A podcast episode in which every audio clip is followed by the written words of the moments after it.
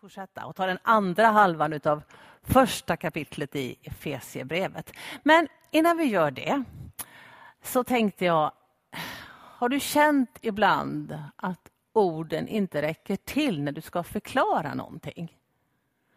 Du vet, eh, när man landar i det här, ja men det var så, det var så fantastiskt, det var, det, var så, det var så bra, det var så fint. Jag kan inte riktigt förklara, du måste nog se det själv eller vara med om det själv. Det har ni varit med om va? Man ser något vackert i naturen. Man håller en liten bebis i sin famn och då räcker inte orden till. Eller man äter något fantastiskt gott eller man lyssnar på någonting och så tar man till de där stora, stora orden. Kan du ta med dig den känslan in i kroppen?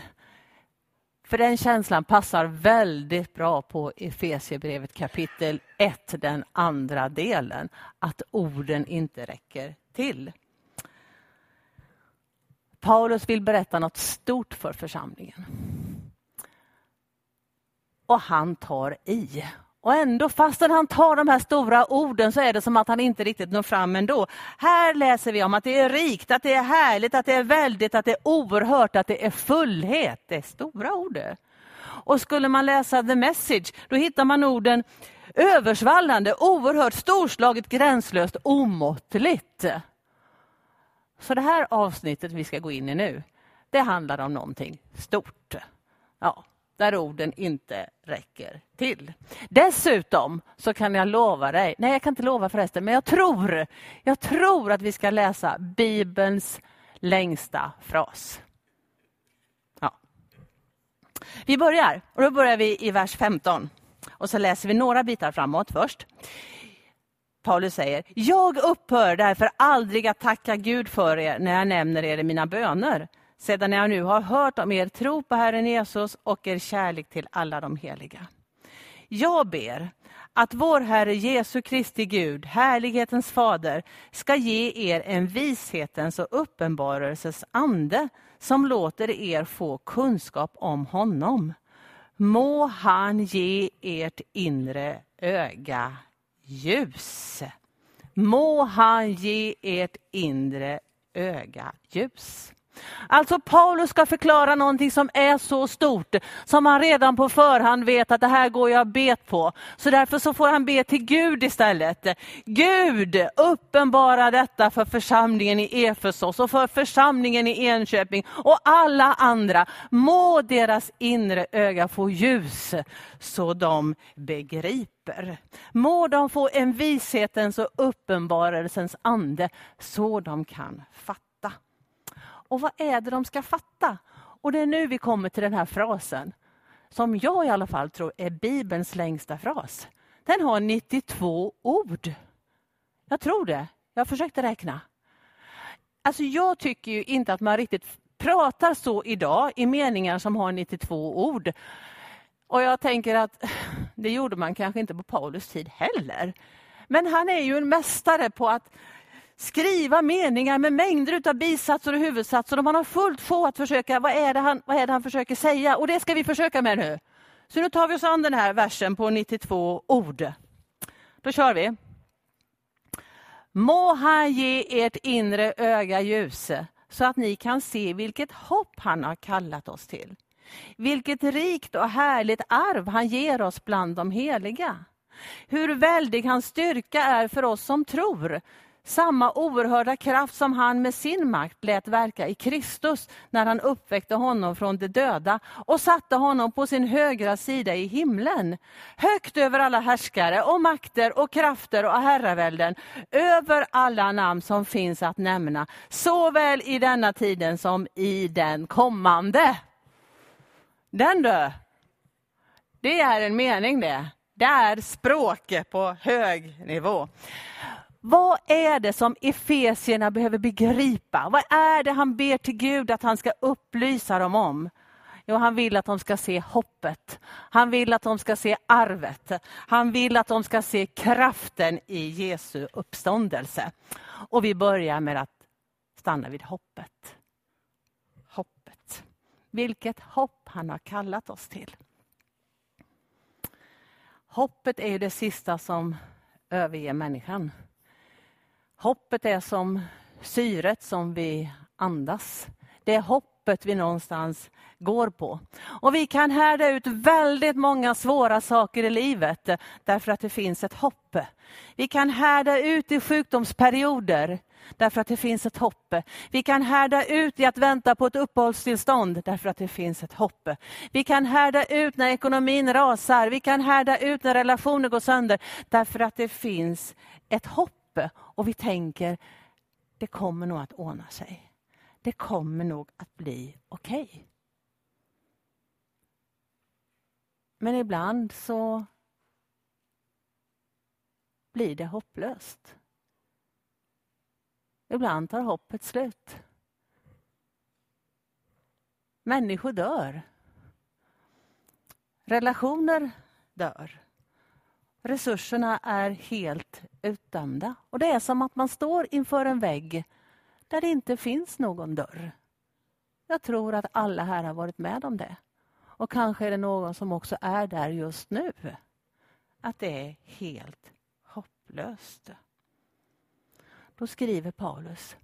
Må han ge ert inre öga ljus så ni ser vilket hopp han har kallat oss till. Det finns alltså ett hopp som inte är grundat på våra fem sinnen, vad vi ser och vad vi hör och vad vi känner. Utan det finns ett hopp som sitter på insidan. Ett hopp som Gud ger oss. Ett hopp som är förankrat i Jesus Kristus till. Och då är det det hoppet du vet, som man får ta till i hopplösheter. När det är helt kört, då finns det som en annan växel att lägga in. Det finns en hoppväxel som Gud lägger i våra hjärtan. Ett hopp i Jesus. Därför att, och nu kommer det, samma kraft som han lät verka när han uppväckte Jesus från de döda, samma kraft verkar idag. Därför finns det hopp. Mm. I vår hemgrupp så läste vi det här bibelavsnittet sist. Och eh, när vi sen pratade om det så det var så tydligt att många av oss uttryckte samma sak. Det, det är lätt att förminska Gud, hörni. Det är lätt att, eh, att tänka att Gud är ganska liten. Han, han kan nog inte så mycket. Och så gör man Gud lika liten som man själv är. Men Gud kan med sin ande upplysa våra hjärtan så vi ser. Så vi ser att vi har en stor Gud. En Gud som är högt över allt, som är som det står, högt över alla härskare och makter och krafter och herravälden, över alla namn som finns att nämna, såväl i denna tiden som i den kommande. Det kommer aldrig att finnas någon som är större än Jesus. Ingen nobelpristagare någonsin kommer att ha gjort det som skulle vara större än det Jesus Kristus redan har gjort. Han är störst. Han är störst och han är bäst och han är högst och därför så finns det hopp i Jesus Kristus.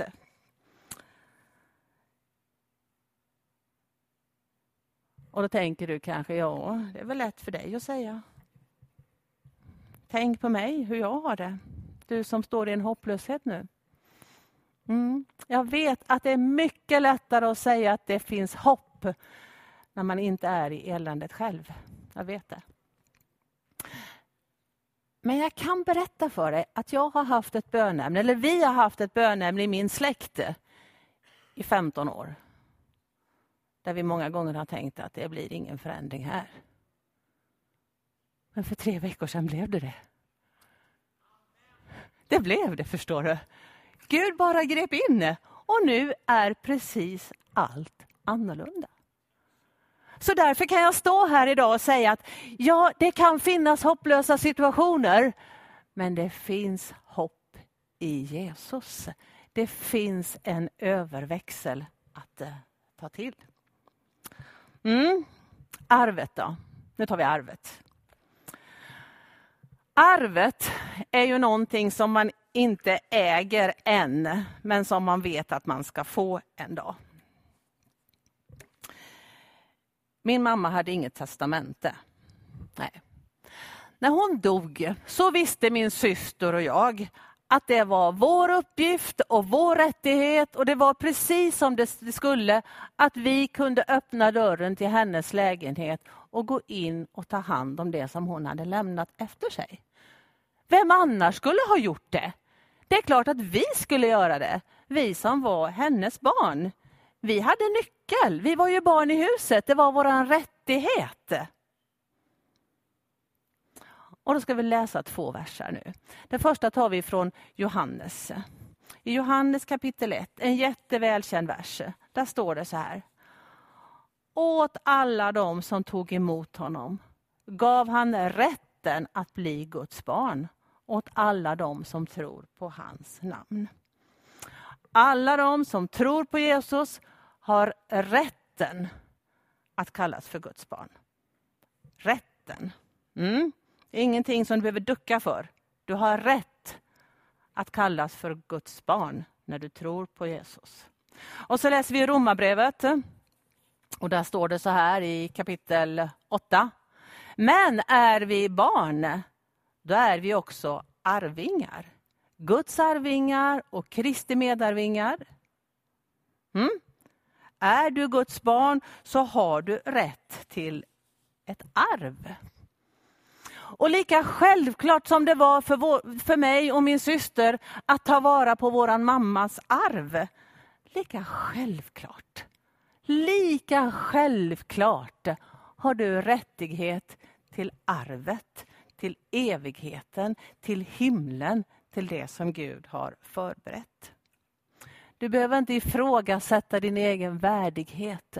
Du behöver inte fundera på om du duger. Du är ju inte helt perfekt. Nej, och det vet vi, det är ingen av oss. Du kan ju ha strulat till det. Det kan ju finnas trasigheter på insidan. Och hos vem finns inte det?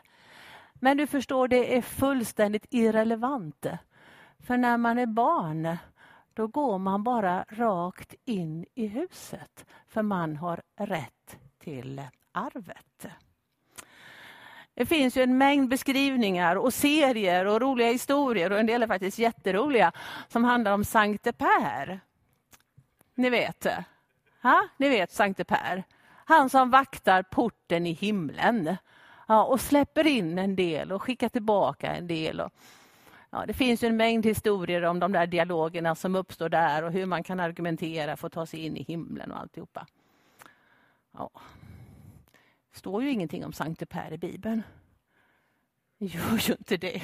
Så du behöver inte fundera över hur det där ska gå till. För jag kan tala om för dig att Sankte Per som portvakt i himlen finns inte. Nej, det existerar inte. När du en dag ska passera gränsen, förstår att då är det inte någon dörr där du ska argumentera och försöka ta dig in och bevisa din förträfflighet, utan då är det barnet i huset. Barnet i huset som kliver in och du får del av arvet. Så står det. Ja, det här är stort. Eh.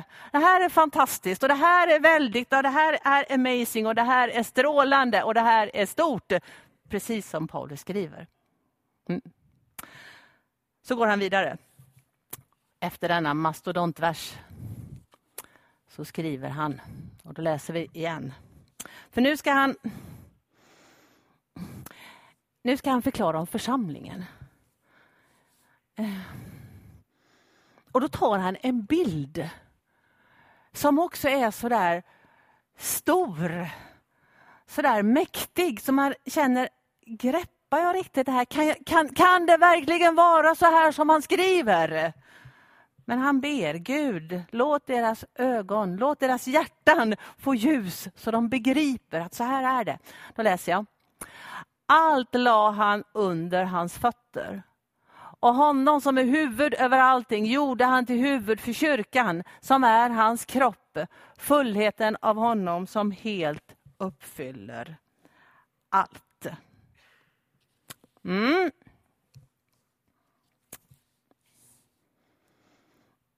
Jag försökte när jag förberedde mig att jag skulle försöka få till det här grafiskt på något sätt, den här bilden. Jag skulle försöka illustrera det på något sätt och jag gjorde mina tappra försök men det gick inget bra. Um, så därför blir det ingen bild av vad det som står här. Men om vi börjar med allt Vi börjar med allt. Precis allt. Allt som finns på jorden, allt som finns i himlen, allt som finns i universum, alla planeter och solsystem, allt. Alla kulturer, alla människor, alla språk, all musik, all konst, alla uttryck, allt, allt som finns. Allt är underlagt honom. Allt. Precis allt. Det finns ingen plats, ingen kultur, inget sammanhang du kan hamna i som inte är underlagt Jesus. Inget. Allt är underlagt honom. Han uppfyller allt. Han finns överallt. Det är därför man hör de här vittnesbörden ibland att jag lyssnade på en sång på radion och helt plötsligt så kände jag att Gud talade till mig. Mm -hmm, just det, han finns överallt, där var han. Jag såg på en tavla och jag bara började gråta. Jag förstod hur Jesus älskar mig. Mm, just det, det är så det går till, där var han. Eller jag var ute i naturen och helt plötsligt bara förstod jag hur Jesus älskar mig. Han finns överallt. Överallt finns han. Allt är honom underlagt. Är ni med? Kanske inte, för det är en jättestor bild. Det är jättesvårt att ta in det. Mm, men så står det. Men sen fortsätter han ju, och nu blir det liksom värre. Att fullheten av Jesus finns i kyrkan. I församlingen. Alltså den store Jesus som uppfyller allt och som finns precis överallt. Fullheten av honom finns i församlingen.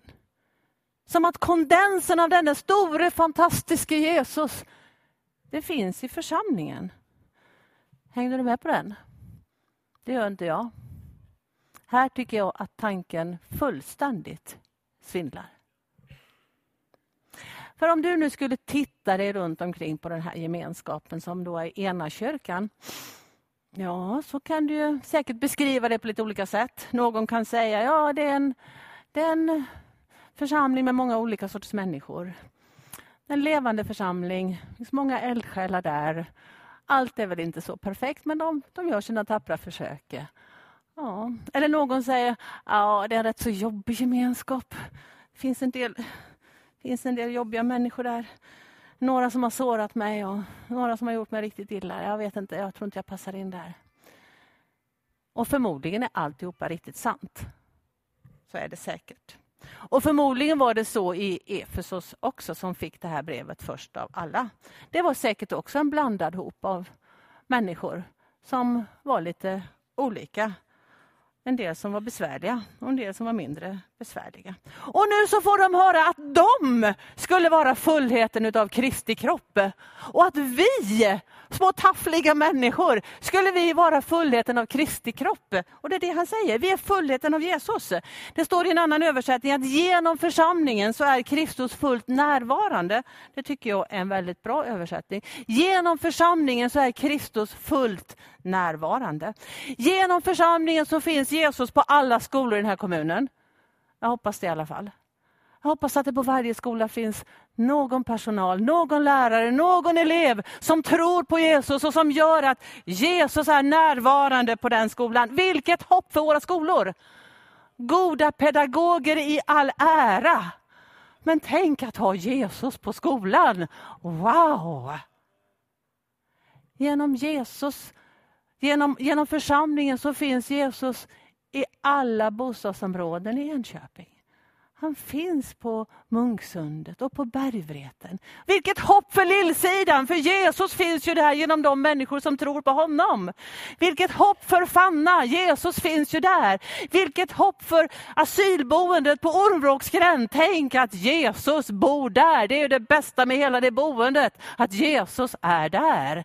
Vilket hopp, vilket hopp för våra arbetsplatser. Jesus är där. Så genom Kristi kropp så finns Jesus närvarande överallt. Detta är stort. Så du vet, församlingen det är inte först och främst ett antal olika människor som man kan reta sig mer eller mindre på.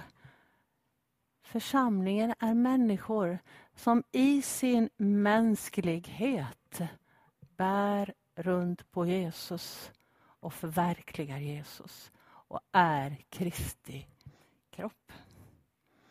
Församlingen är fullheten av Jesus. I The Message så finns det ett uttryck som jag tycker är jätteroligt. Ehm,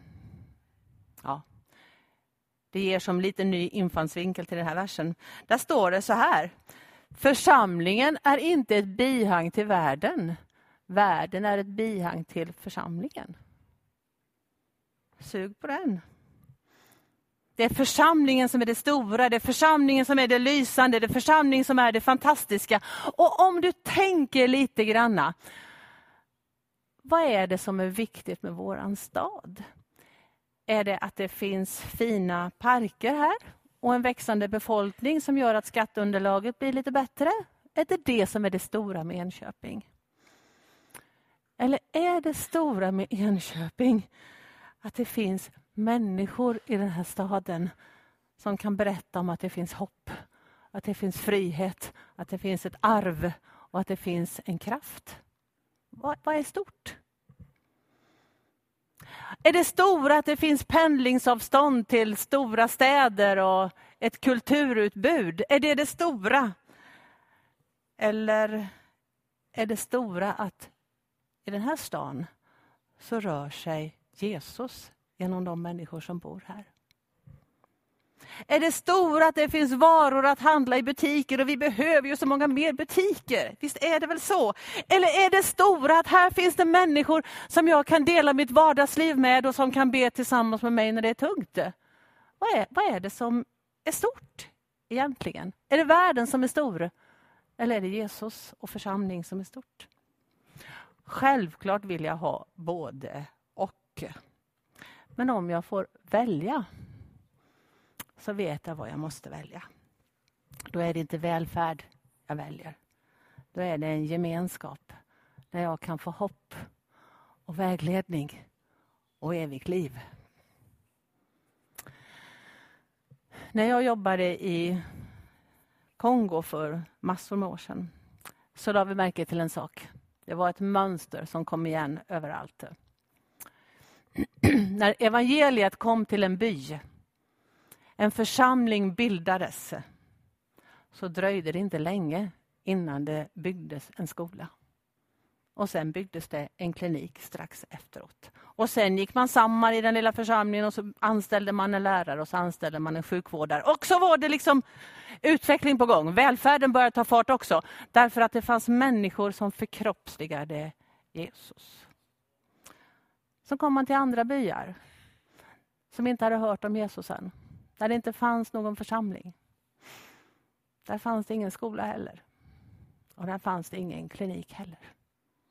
Det var så uppenbart att det händer någonting. När människor tar emot Jesus Kristus så tar de också ansvar för sin omgivning. Så börjar någonting hända, då börjar de göra Jesu gärningar. Då börjar de vara Jesu kropp. De säger det som Jesus skulle ha sagt. De gör det som Jesus vill ska göras. Det blir förändring därför att kroppen börjar agera. Jesu Kristi kropp agerar. Först Jesus och sen världen. Först Jesus och sen kommer bihanget. Det här ville Paulus att Efesierna skulle förstå. Här känner jag att jag skulle behöva ta till mig mycket mer. Och det här skulle jag vilja att alla ni som lyssnar idag skulle förstå. Det kanske var så i Efesos att den här församlingen var upptagen med att diskutera en massa småsaker. Paulus behövde hjälpa dem att lyfta blicken. Det här är vad ni är till för. Det händer ju att det är så i församlingar. Ja. Och småsaker kan vara nog så viktiga, så det sa. Men ibland så behöver vi lyfta blicken och se vad det är att vara en Jesu Kristi församling. Det är att vara hans kropp, det är att göra hans gärningar, det är att säga hans ord Det är det som vi är till för. Vi behöver låta Guds ljus lysa in i våra hjärtan så vi kan se detta. Så du kan se att, att du är en resurs. Du är en resurs för din familj. Du är en resurs för din stad. Du är en resurs för ditt bostadsområde. Om vi, om vi tänker så här. Om Jesus skulle flytta in i lägenheten bredvid dig eller huset bredvid dig, vad skulle han göra då? Vad tror du han skulle göra? Det är det du ska göra. Eller när du kommer till jobbet på måndag så har du en ny arbetskamrat. Det är Jesus. Vad, vad ställer han till med på jobbet tror du? Det är det du ska ställa till med. Eller när du kommer till skolan så är det en ny elev i klassen. Det är Jesus. Vad skulle han göra? Vad vill han att du ska göra? Det är det du ska göra. Hans kropp, fullheten av Kristus. Det här är stort. Det här behöver man starka ord för att förklara. Det här kan man säga är omtumlande och oerhört och stort och häpnadsväckande och starkt och amazing och enastående och over the top. Och så får man landa i att eh, orden räcker inte till. Gud behöver upplysa våra hjärtan. Nu ber vi tillsammans.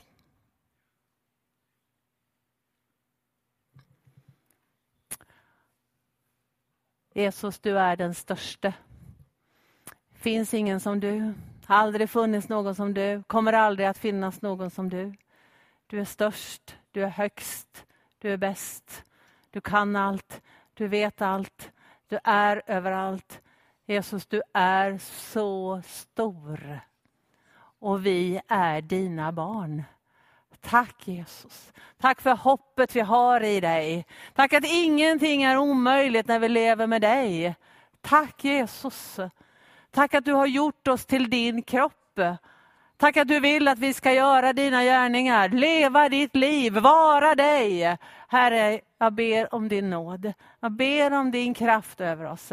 Jag ber om din frimodighet och jag ber att ditt ljus ska få lysa in i våra hjärtan nu och alltid. Jag ber om det i ditt namn. Amen.